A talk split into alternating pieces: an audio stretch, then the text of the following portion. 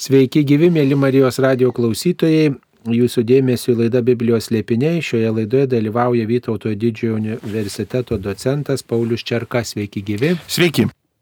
Šiuose laidose pastaruoju metu atsiverčiame patarlių knygą ir skaitome skyrius po skyrio, aptardami kai kurias eilutes. Šį kartą atsiverčiame patarlių knygos 16 skyrių ir skaitome nuo pradžių, nuo pirmos iki penktos eilutės. Žmogus savo širdyje gali daug užsimoti, bet ką liežuvis ištaria, tai yra iš viešpaties.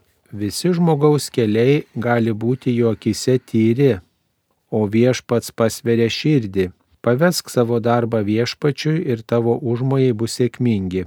Viešpats padarė visą su tikslu, net nedorėlį nelaimės dienai. Viešpats bjaurisi kiekviena širdies puikybė, žinok, tai nebus dovanota. Šiuose eilutėse nuo pirmos iki penktos eilutės šmėsteli širdies tema. Biblijoje širdis reiškia apsisprendimo vietą. Galbūt ir čia patarlių knygoje, štai ir pirmoje eilutėje, kad ir tolesnėse eilutėse, ta širdis kaip būdas apsispręsti, žvelgti į savo širdį, savo širdį užsimoti, savo širdį nutarti, savo širdį pasirinkti, tai turbūt reiškia tokį žmogaus nusistatymą pasirinkti vieną ar kitą kryptį. Taip, iš ties dabartinėje mūsų kultūroje mes širdį šiek tiek jau kitaip suprantam, tai daugiau emocijos rytis, kur na, jaučiame kažkaip tai, bet semitinėje kultūroje ar toj biblinėje kultūroje širdis yra mąstymo sritis, ypatingai apsisprendimo, vidinio apsisprendimo sritis. Ir na, pirmoji lūtė mums provokuoja tuo teiginiu, kad nors žmogus daug kas varsto, kaip vienas vertimas sako, arba paruošia savo širdį, tačiau atsakymas, burnos atsakymas priklauso nuo viešpatės arba jo ležuvį valdo viešpats. Lietuviškas vertimas sako, ką to norėtų pasakyti. Viena vertus, idėja yra tokia, kad mes planuojame, na kaip tokia viena žydiška patarlė yra, nors ne iš šventą rašto, bet žmogus planuoja, Dievas juokiasi. Tai mes tikrai nemažai savo gyvenime planuojam. Kartais žmogus planuoja metus į priekį ir tai beje yra gerai. Kažkas planuoja savo profesinę ateitį, na, daugeliu metų į priekį bando pažvelgti. Kažkas susiplanuoja dieną ir pats planavimas yra iš tikrųjų sveikas procesas ir būtinas negalima na, gyventi neplanuojant, valstybė planuoja patvirtintame biudžetą sekančius metus ir tai mums padeda susigaudyti. Tačiau, kiek mes be planuotume, mes turim suprasti, kad ateities mes nevaldome. Egzistuoja tam tikri procesai, kurių mes negalim nuspėti, numanyti, tuo labiau sukontroliuoti. Egzistuoja tas nežinomumo momentas. Ir kalbant apie mūsų liežuvį, pirmas, na, mūsų toks intuityvus supratimas yra, kad ką jau ką, bet savo žodžius mes valdome. Mums atrodo, kad e, žodžius nesudėtinga yra valdyti, mes tikrai galime pasakyti tai, ką norime pasakyti ir nors galbūt pripažintume, kad padaryti ne viską galime, ką sugalvojame, gal kažko nepajėgėme, bet jau bent jau pasakyti, tai esam tarytum ramus. Iš kitos pusės, iš tikrųjų, e, šiai dienai net ir neuromokslas ir va, tas kalbėjimo tyrinėjimas mokslinės pusės iki galo nėra aiškus mechanizmas, kaip mūsų mąstymo centrai veikia mūsų kalbą. Nemažai yra padaryta pažangos, bet negalima pasakyti, kad mes iki galo žinom, atrodo tokį kasdienišką dalyką. O kaipgi mes kalbame, kaipgi mums pavyksta pasakyti tai, ką mes norim pasakyti. Ir šitoj eilutė yra tarytum tokia idėja, kad net tai, kas mums atrodo labai lengva, o atrodo, kad kalbėti yra nesudėtinga, net ir tai mes iki galo nesukontroliuojam.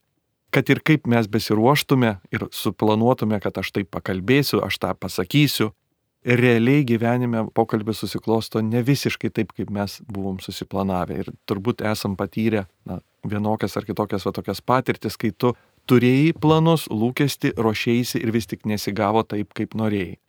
Tai šiuo atveju, jeigu mums nesigauna toks paprastas dalykas kaip kalba, iki galo ją sukontroliuoti. Ką kalbėti apie mūsų tolimesnį ateitį arba darbus. Saliamono mokykla, autoris, kuris mums kalba, jis sako, kad jeigu tu negali mažo, tai ką kalbėti apie didelį. Ir reiškia, jis pradeda nuo to, nuo pačio mažiausio, nuo mūsų kalbėjimo. Net ir to iki galo, na, mes nevaldome taip, kaip norėtume tą valdyti. Egzistuoja, sakykime, tam tikras nevaldomumas.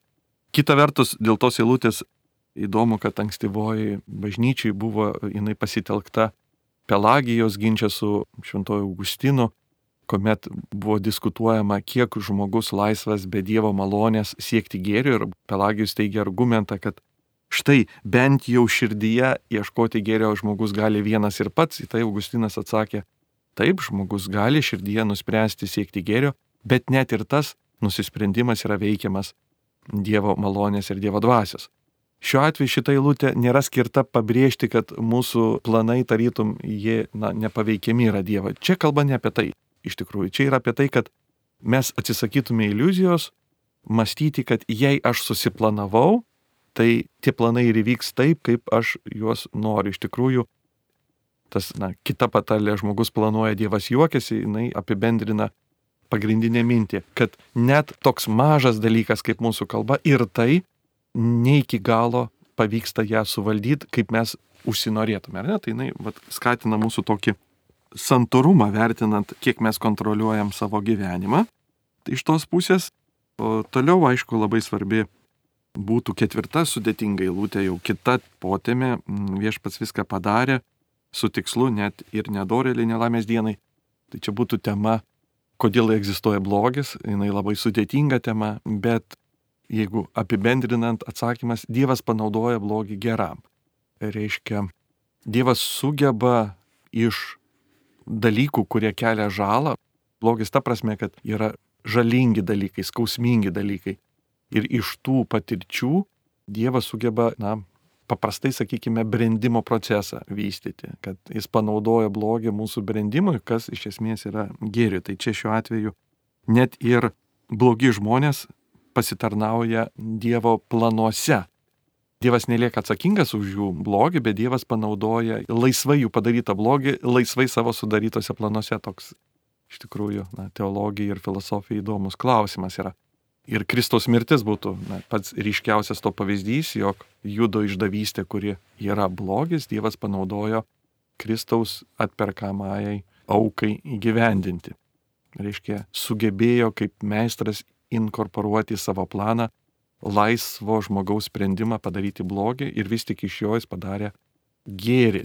Tai neišteisina judo jokių būdų, bet tai tik parodo išmintingumą to, kuris planuoja, jog jis numato ir panaudoja. Tai čia eilutė yra apie tai. Na, vėlgi trečia eilutė grįžtų į mūsų pirmąją mintį apie tuos užmojus, kad jie būtų sėkmingi, paves Dievui savo darbą. Tai čia būtų pirmos eilutės sekantis veiksmas, jeigu mes suvokiam, kad esam nepajėgus suvaldyti savo gyvenimo procesų, netgi kalbos, tai ką daryti? Ir čia šiuo atveju tada yra toks patarimas - pavesti Dievui savo darbą ir tas žodis pavesti reiškia negryžtamai atiduoti. Ne tai, kad laikinai duoti, bet taip atsiduoti. Toks va tas pavedimas, pasitikėjimas Dievu, autorius siūlo, kad tai būtų sprendimas, jog tie planai bus įgyvendinti. Ir čia reikėtų suprasti tokį momentą, kad autorius tai štai ką nori pasakyti, kad jei žmogus paveda savo veiklą, tai patys planai kinta. Patys planai kinta. Atsimenam Jono Evangelijai Jėzų žodžius apie vynmedį palyginimai, sako, be manęs jūs nieko negalite atlikti. Tai viena vertus yra tas bejėgiškumo pripažinimas, iš kitos pusės jis kalba apie tai, kad jūs eitumėt ir duotumėt vaisių. Bet kad planai širdie pasikeistų, reiškia, žmogus pavesdamas save Dievui, tuo būdu keičia ir savo širdies troškimus. Jie kitokie tampa. Ir jie tampa tie, na, kurie tampa sėkmingi. Reiškia, nereikėtų tos įlūtės skaityti taip, kad kokį įnorį besugalvočiau, jeigu aš magiškai jį pavesiu Dievui, jis įsipildys. Idėja ne tokia, idėja yra tai, kad autorius siūlo tai, kad jei žmogus, ar ne, pavestų save Dievui, tai tie mūsų norai, jie kinta, jie jau tampa kitokie, jie orientuoti į kitus tikslus ir va tie jau naujieji norai, atnaujinti norai, jie bus sėkmingi. Tai yra ne bet kokie mūsų įnoriai, bet atnaujinti širdies troškimai taps sėkmingi. Tokios mintis. Toliau skaitome 16 skyriaus 6 ir 7 eilutes. Gerumu ir ištikimybė atsilyginama už kaltę, o pagarbė viešpaties baime išvengiama pikta. Kai viešpats yra patenkinta žmogaus elgesiu, jis sutaiko su juo net jo priešus. Kyla klausimas, kai viešpats yra nepatenkintas žmogaus elgesiu, tai tada baigėsi jo gerumas ir ištikimybė, ar kaip reikia suprasti, nes kalbama, kad užkaltę viešpats net ir gerumu ir ištikimybė atsilygina, o jei nepatenkintas Dievas žmogaus elgesiu, tai negi jo ištikimybė jau bus pabaiga. Klausimas taiklus, bet čia tokia septintos eilutės idėja yra, tarytum mes net nesitikim jeigu viešpas patenkintas žmogus elgesiu, tai mes turėtum suprastume, kad geri santykiai yra tarp to Dievo ir žmogaus, bet kokie santykiai tarp žmogaus ir kitų asmenų tarytum turėtų būti, jie nepriklausomi, ne, nes tai yra santykis su kitu asmeniu. Ir autorius pristato mum idėją, kad jei žmogaus santykiai geri su Dievu, tai tas santykis įtakos jo santykį su jo artimaisiais, su jo artimu. Ir netgi kai kurie santykiai, kurie buvo prasti, nu kaip su priešu, jie bus paveikti ir tokiu atveju gerės santykiai su kitais. Reiškia, santykis su Dievu veikia mūsų santykį su artimu. Čia idėja yra ta.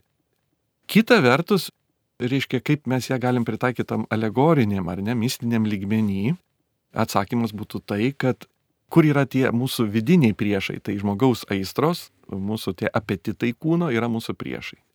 Ir krikščioniškas kelias, na, yra toks, kad einant tuo keliu, netgi žmogaus va tos aistros jos nustoja jį taip kamuoti. Jos nustoja taip kariauti su žmogumi ir jį klaidinti. Iškai žmogus jas vis, sakykime, ne tai, kad jomis susigyvena, bet tarytum ta vidinė kova namuose jinai aprimsta. Žmogus suranda ramybę ir jis, nereiškia, nebėra draskomas iš vidaus. Tai galima galvoti apie tuos priešus, su kuriais žmogus pradeda jau susidraugauti. Reiškia, jo siela tampa skaidresnė ir nebe tokia nusistačiusi priešingai mintis, mąstymas. Ir netgi tam tikri kūniški apetitai nu, tampa suvaldyti ir netgi draugiški.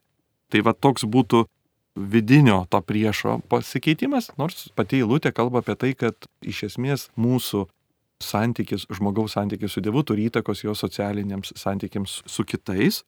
Viena vertus, kaip sakiau, ją galima pritaikyti ir apie žmogaus santykių su vidiniais namais ir tuose namų gyventojais. Jie toks alegorija, kuri dažnai buvo naudojama tais laikais. Apie tai, kad žmogus tarytum namai ir jame gyvena gyventojai, tos aistros, mūsų troškimai ir, ir su jais reikia mums turėti reikalų. O dėl šeštos eilutės, e, iš tikrųjų jis svarbi, gerumu ir ištikimybė atsilyginama už kaltę. Čia ypatingai vat, katalikiškas požiūris į atgailą. Kad neužtenka atgailoje pasakyti, na, atsiprašau, gailiuosi, taip, tai būtinas elementas, bet yra tas atlyginamasis elementas. Šiai dienai galbūt e, žmonės einantis iš pažinties kaip ir mažai jau su to susiduria, nes dabartinės tos atgailos normos labai yra sumažėjusios. Čia gal jūs ir papildyt galite apie tą praktiką, bet jeigu rimtai žiūrime tą klausimą, tai iš tikrųjų atgaila yra tas atsilyginimo momentas ir šventam rašte jis neneigiamas, kad gerumu ir ištikimybė, tai galima e, laikyti ir išmalda, ir kiti dalykai, jie reikalingi mum patiem, kaip tų vidinių žaizdų, kurios padaro nuodėmę, gydimui. Tai yra reikalingas dalykas, juo mes keičiame save pačius. Įdomu, kad yra du žodžiai - gerumu ir ištikimybė, toks balansas tarp griežtumo ir švelnumo, reiškia tarp malonės ir tiesos. Iš tikrųjų, žmogus, vat, jeigu jis nori keistis iš tų įdų ir iš tų trūkumų, reikalingas balansuotas požiūris tarp atlaidumo ir griežtumo, reiškia tarp gerumo ir ištikimybės. Ir to ir to reikia, negalima nupulti į vieną iš tų pusių ir kad tai reikalinga praktika pasikeisti. Tuo tarytum mes kaip visuomenė irgi manom, mums tik prastai gaunasi, pavyzdžiui, kalėjimų sistema ar netarytum turėtų keisti žmogų pasukusi nusikaltimo keliu, tik gan prasti rezultatai, ne visada pavyksta įgyvendinti tą idėją, bet idėja irgi yra tokia, kad žmogus nusikaltęs jis ne šiaip yra atimama jo laisvė, bet tuo metu bandoma, sakykime, keisti jo požiūrį, keisti jo prisirišimus ir panašiai. Tai idėja, aišku, čia nusikaltimų požiūrį, bet tas pats yra ir tų įdų klausimų. Panašiai mes turėtume reaguoti, kad mums reikalinga tam tikra na, praktika, atgaila jinai susijusi yra ne tik su vienkartiniu pripažinimu savo klaidos, bet ir tolimesniu atsiteisimu, taip pavadinkim, už tai mes neturėtume to pamiršti. Taip, toliau skaitome 8 ir 9 eilutės. Geriau turėti mažai įsigyta sąžiningai negu didelės neteisėtas pajamas. Žmogus širdyje sumano, ką jis darys, bet jo žingsnius valdo viešpats. Tai jeigu žmogus įsigyja sąžiningai, tai yra geriau negu kad neteisėtai. Tačiau žmogus sumano širdį, o viešpats valdo. Čia kiek yra tos laisvos valios žmogaus širdį, jeigu viską valdo viešpats. Tai gal tada kyla klausimas, jeigu gerus dalykus viešpats valdo, tai kaip yra su blogaisiais. Tas klausimas jis kankina dažnai mus, kokiu būdu jis jos valdo. Matot, jis valdo nepažeisdamas mūsų laisvos valios. Čia yra tas toks neįprastas, netaip lengva ir jį suprasti, tos vadinamos apvaizdos veikimas. Dievas valdo visus procesus, įskaitant ir patį na, žmogaus gyvenimą, bet jis valdo nepažeidžiant žmogaus valios. Reiškia, jo valdymas neliminuoja mūsų atsakomybės ir mūsų sprendimo. Tačiau, na, teologus kankina tas klausimas, yra pateikta įvairių modelių, kaip tai paaiškinti, jog žmogus laisvas, bet Dievas valdo. Įvairių yra tų prieičių ir bandymų pateikti sprendimą šito galvosūkio. Bet mes turim suprasti, kad Dievo valdymas nėra toks apsėdimas tarytum arba žmogaus privertimas vieno ar kito padaryti. Jokių būdų taip jis nevaldo, apvaizda neveikia tokiu būdu, bet jį numato žmogaus veikimus, tarytum valdo situacijas, į kurias žmogus patenka ir tuos sprendimus jis parodo tose situacijose. Tarytum labiau tai yra tokiu būdu Dievas sugeba suvaldyti visus procesus. Ir tik jis vienas suveda tuos visus galus mums labai sunku būtų sumodeliuoti, kaip tai vyksta.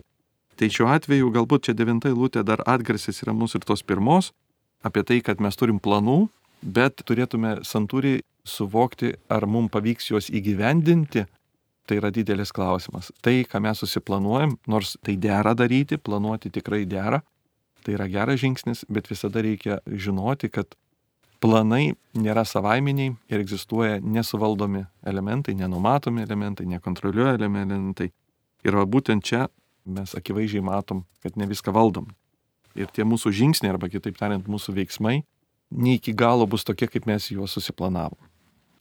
Na, nuo 10 iki 13 eilutės 16 skyriuje galime atrasti svarstymus apie tiesą, apie sažiningumą, teisumą.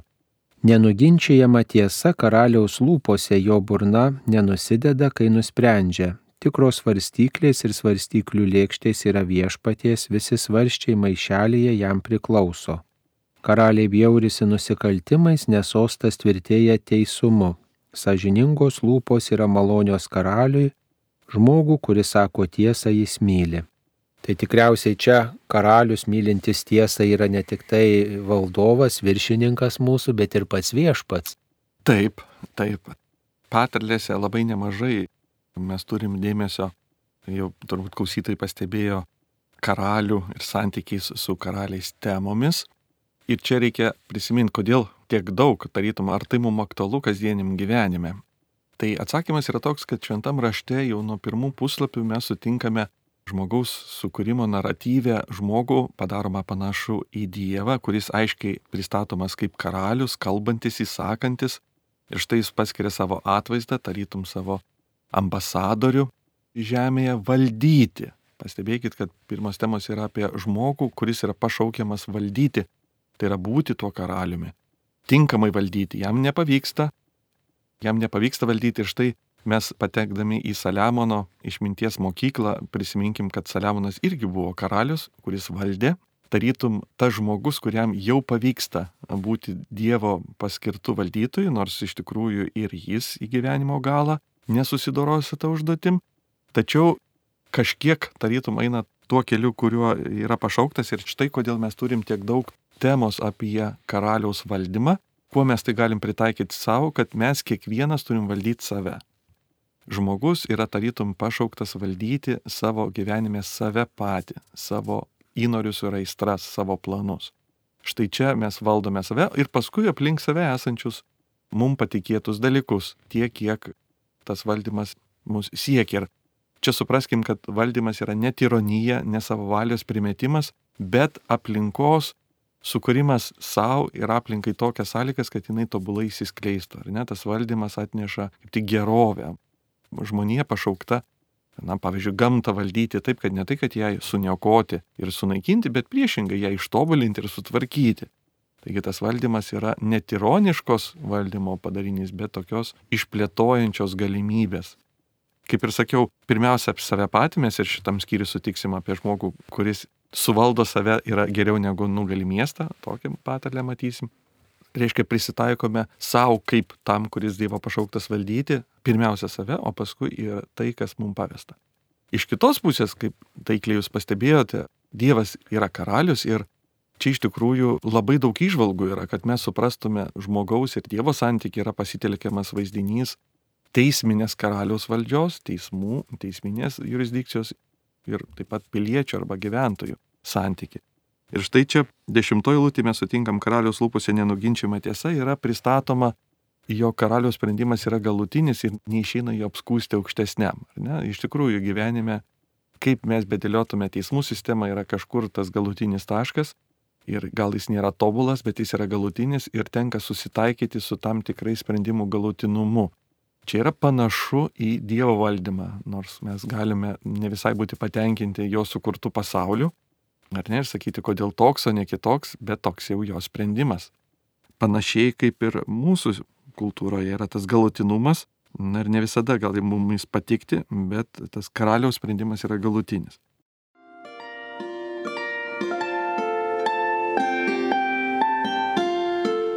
Jūs girdite Marijos radiją.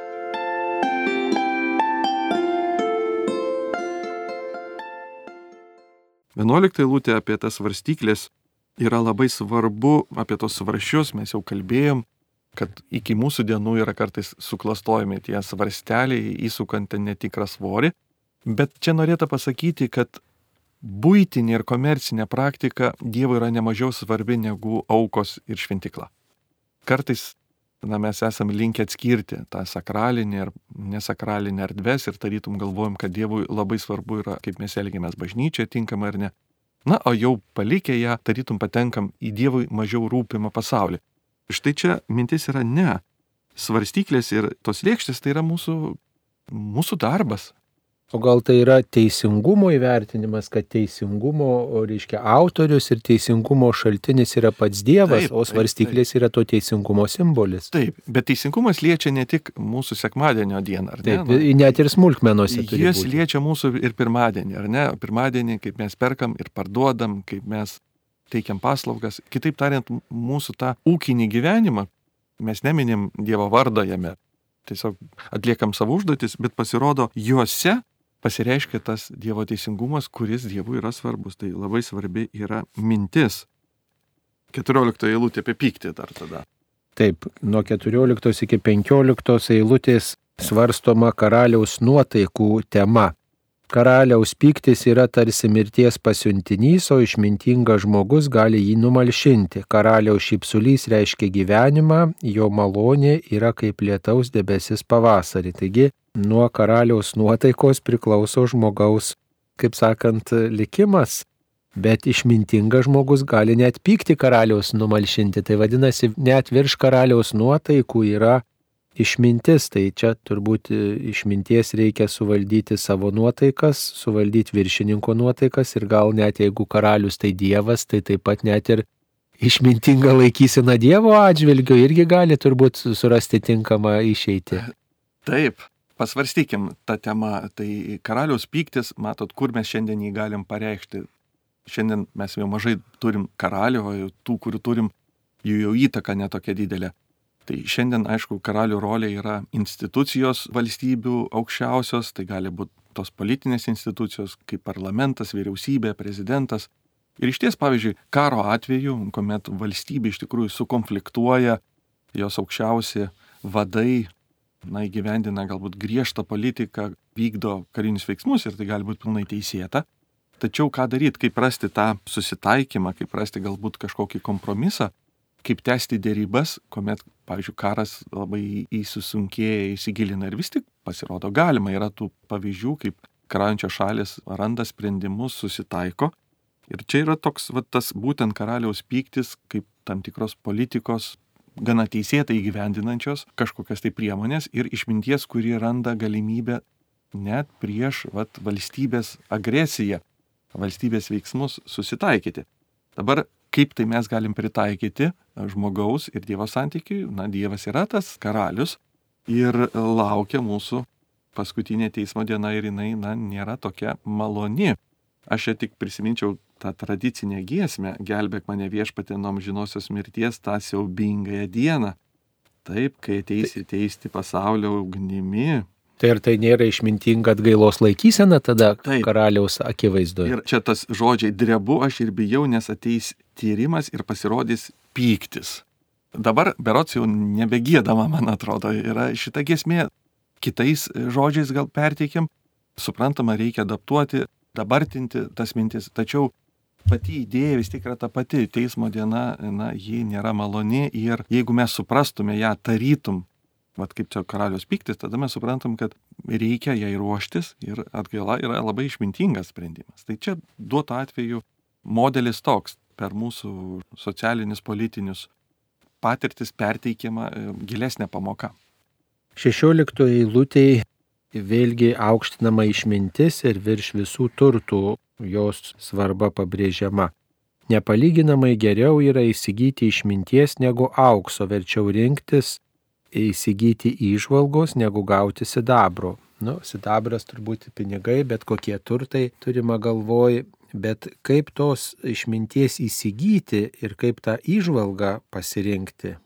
Taip, šį patarlę turbūt mums perteikia tokį, šiais laikais mes sakytume, kad jeigu nori žmogui padėti, tai vietoj to, kad duotum žuvį, duokia meškerį išmokyk žvejoti, ar ne?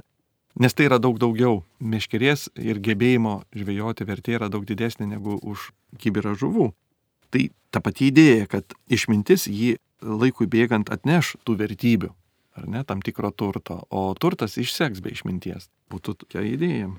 Bet turbūt tas įsigijimas išminties gal ir reiškia rinktis Dievą, stoti dorybės pusėn, stoti teisingumo pusėn. Na taip, jau esam 16 skyriuje vis apie tai. Bet svarbu vis tą prisiminti, kad tikrai mūsų protą ir širdį paliestų. Nuo 17 iki 19 eilutės svarstoma vėlgi apie dorą ir apie puikybę, žodžiu, lyginami tie keliai, kur žmogus eina dorų keliu, doras žmogus žengia ir tas, kur išpuikęs. Dorų žmonių kelias vengia piktą, kas atsargiai žengia savo keliu išsaugo gyvasti. Puikybė apima prie žūtį, įžulumas veda į nesėkmę. Geriau būti kukliam tarp vargšų, negu dalytis grobiu su didžiūnais. Kas supranta dalyką, kurio mokosi, puikiai gyvens, o kas pasitikė viešpačiu, bus laimingas. Pasitikėjimas Dievu, dorybės laikymasis yra išgyvenimo kelias šiame pasaulyje ir taip pat išlikimas viešpaties akivaizdoj. Bet čia dar yra pabrėžta 17 eilutė, kas atsargiai žengia savo keliu, tas atsargumas.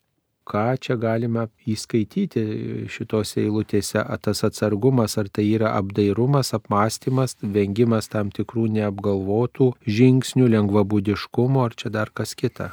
Tai aš pritarčiau, kad iš tikrųjų patarlėse mes sus- susidurim su tokiu kvietimu pirmą galvoti, paskui kalbėti, o ne atvirkščiai. Ir, na, ekonominiam, politiniam gyvenime tai tarytum akivaizdi tiesa yra, kad prieš įmant sprendimų reikia apsvarstyti. Patarimų, praeitam skyriui mes klausėme, kuo daugiau, tuo geriau. Ir šiek tiek jausti savo ribotumą, kad ne viską pats gali matyti, išvelgti. Ir veikti neskubant. Tai šiuo atveju, jeigu tokia strategija yra pagrista priemant komercinius sprendimus ar politinius sprendimus, tai jį pagrista ir, ir dvasiniam gyvenime. Mes turim ribotai vertinti savo sugebėjimą suprasti tą tikrą tikrovę, pasitikėti kitais, toliau už mus pažengusiais. Na ir vat atsargiai eiti keliu. Atsargiai. Vien tai, kad mes pradėjome eiti tuo keliu, negarantuoja, kad mes juo sėkmingai nueisim. Reiškia, visada turi likti tam tikras supratimas, kad galiu parklupti, galiu iškrypti. E, Niekada neturėtume laikyti vien savo, kad jei aš jau einu, tai būtinai ir nueisiu iki galo. Gera pradžia pusė darbo, bet vis tik ne visas. Gal aš dar 19 norėčiau pabrėžti apie tą geriau būti kukliam tarp vargšų. Mozės gyvenime mes matėm kaip puikia iliustracija. Šitos tiesos jis, būdamas karaliaus namuose, faktiškai labai aukštoje pozicijoje faraono, antras po faraono, supratęs savo kilmę, jog yra kilęs iš izraelitų, kurie tuo metu jau buvo vergais, pasirenka gyventi su jais ir atsisako savo kilmės. Čia dar prieš jam pabėgant į dykumą. Ir vis tik jis savanoriškai tapatinasi save su vergų tauta ir jis laiko, kad ten jam yra daugiau garbės negu su Egipto lobiais, auksu ir garbe. Va, žiūrint į įsikūnymo slėpinį, mes taip pat matom, kad Dievas tapo žmogumi ir apsigyveno mažai žinomame mieste Nazarete tačiau jis pasirinko būti tarp, vėliau mes pamatysim, tarp mokinių, tarp tų žmonių, kurie jam buvo brangus, nors jeigu žiūrėti grinai socialinę, politinę, ekonominę perspektyvą, tai buvo menkaverčiai žmonės, bet žiūrint dvasinę perspektyvą, juose mes matom tikrai gigantus, juose mes pamatysim apaštalus, kurie apvertė aukštinkojom tuometinį pasaulį. Kitaip Dievas mato žmogų ir ten, kur dažnai žmogiško mokymės matom silpnumą, Dievas gali matyti didelį potencialą. Tas jo žvilgsnis yra kitoks ir jis pats sutiko būti tarp vargšų. Jis ne tik, kad mums moko kažko, ko pats nedaro. Šiuo atveju jis yra puikus mokytas, jis ne tik moko, bet ir gyvena taip, kaip moko.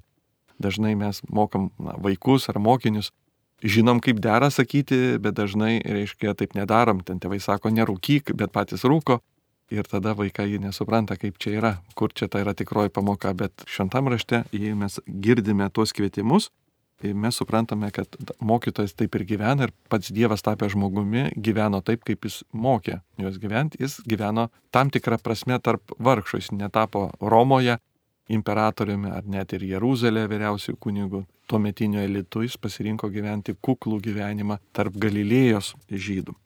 Nuo 21 iki 25 eilutės skaitome apie išmintingą širdį ir taip pat žmogaus kalbą. Išmintinga širdis dovanoja žmogui gerą kalbą.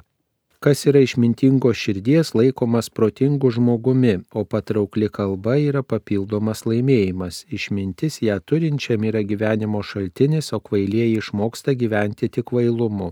Išmintingo žmogaus širdis teikia jo kalbai lakumą ir stiprina jo žodžių patrauklumą. Taiklų žodžiai yra kaip medaus korys, saldumas gomuriui ir sveikata kūnui. Kartais kelias gali atrodyti žmogui tiesus, bet galų galiai jis nuveda į mirtį. Čia mums įprasta pasakyti gal, kad gerą kalbą, taiklę kalbą lemia aštrus protas, proto svarstymai. O štai šventasis raštas nori mums tokią mintį pasakyti, kad išmintinga širdis duoda gerą kalbą, tinkamą kalbą. Vėlgi turbūt tie tinkami pasirinkimai žmoguje duoda tinkamą raišką. Taip galima pasakyti pasirinkimai, kurie eina iš žmogaus širdies ir troškimų, kurie širdį gyvena.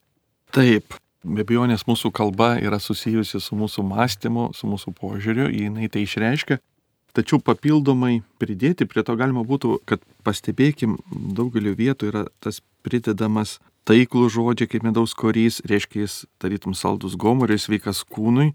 Tas žodis taiklus gali reikšti malonus, maloningi. Ir kalbama ir apie tai, kad neužtenka pasakyti teisingo teiginio. Dar reikia jį išreikšti tinkamą būdu ir tinkamą formą. Išmintis ne tik apsiriboja teiginių teisingumu, bet taip pat atliepia jautriai reaguoja žmogaus būseną, būvį, reiškia įvertina, su kuo yra bendraujama, su vyresniu, jaunesniu, su jo patirtimi žmogaus, o ne tiesiog kartojama, na, tokia, na, sustabarėjęs teiginys. Tai šiuo atveju labai svarbu suprasti, kad išmintis sugeba jautriai pažvelgti į asmenį, su kuriuo bendraujama. Išmintingas žmogus moka ne tik pasakyti teisingą mintį, bet taip pat tą mintį jautriai perduoti, neįžeidžiant pašnekovo, jautriai sureaguojant į jo patirtį ir, ir būvį.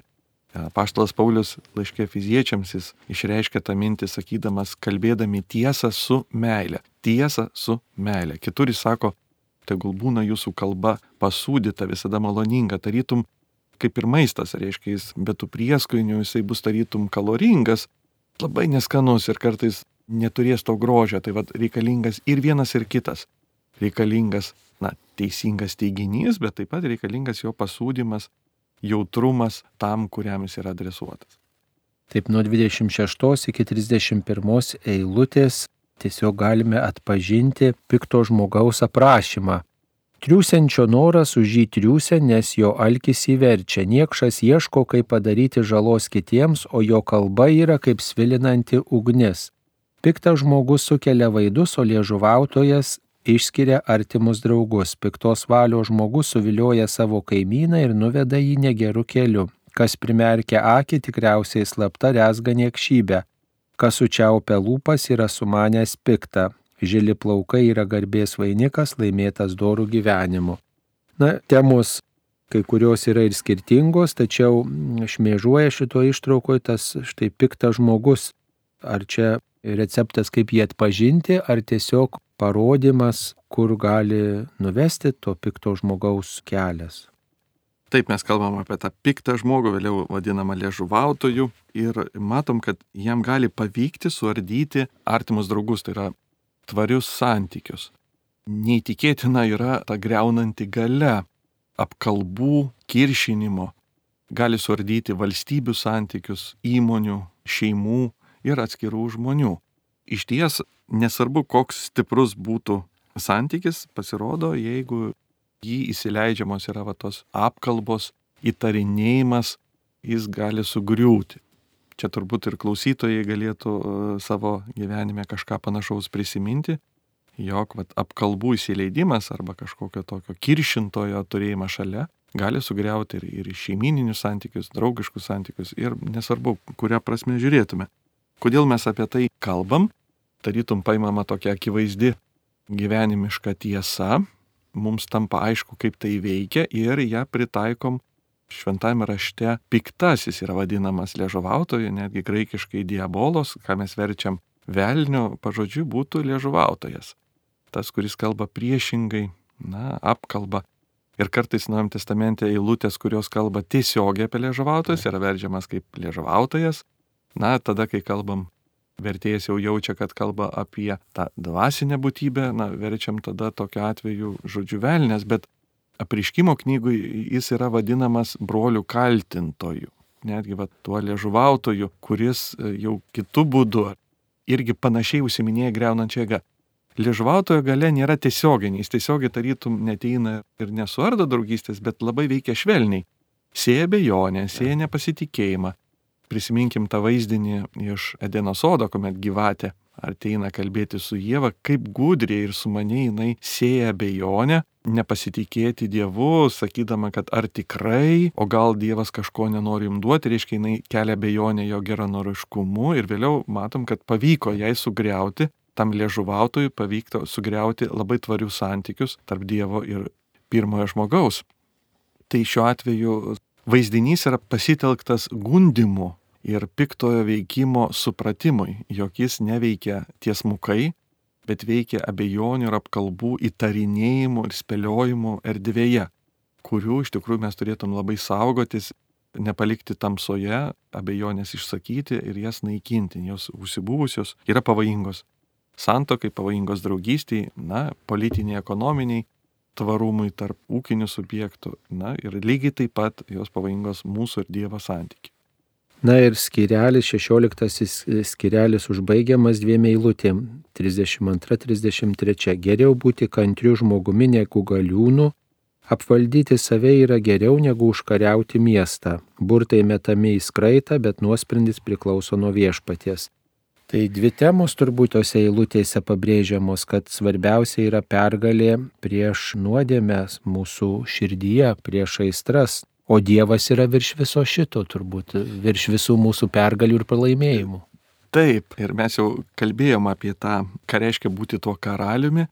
Čia yra prieš pastatytas, sakykime, miesto užkariautas, tais laikais miestai ir buvo tokios valstybės, na, ką mes mūsų laikais pasakytume, tvirtovės valstybės. Tai yra akivaizdu, kad užimti valstybę reikia būti karžygių, karo meną išmanyti yra labai sudėtinga. Bet paradoksalu, kad dar sudėtingiau yra veikti save patį. Ir tai reiškia, mes turim suprasti, kad tas kova su savimi nėra paprasta kova. Ji yra labai sudėtinga ir turi labai daug iššūkių ir nei vienas nuo jos nėra atleistas. Ar tai yra dvasininkas, ar pasaulietis, ar toli pažengęs krikščionybės keliu, ar tik pradedantis eiti.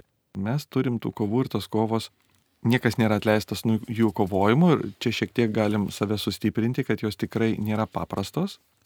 Kita vertus, turim matyti, kad žmonės, kurie pasiekia visuomeniniam gyvenime didelių pergalių, tai nėra mažai, bet dar sudėtingiau yra nugalėti save.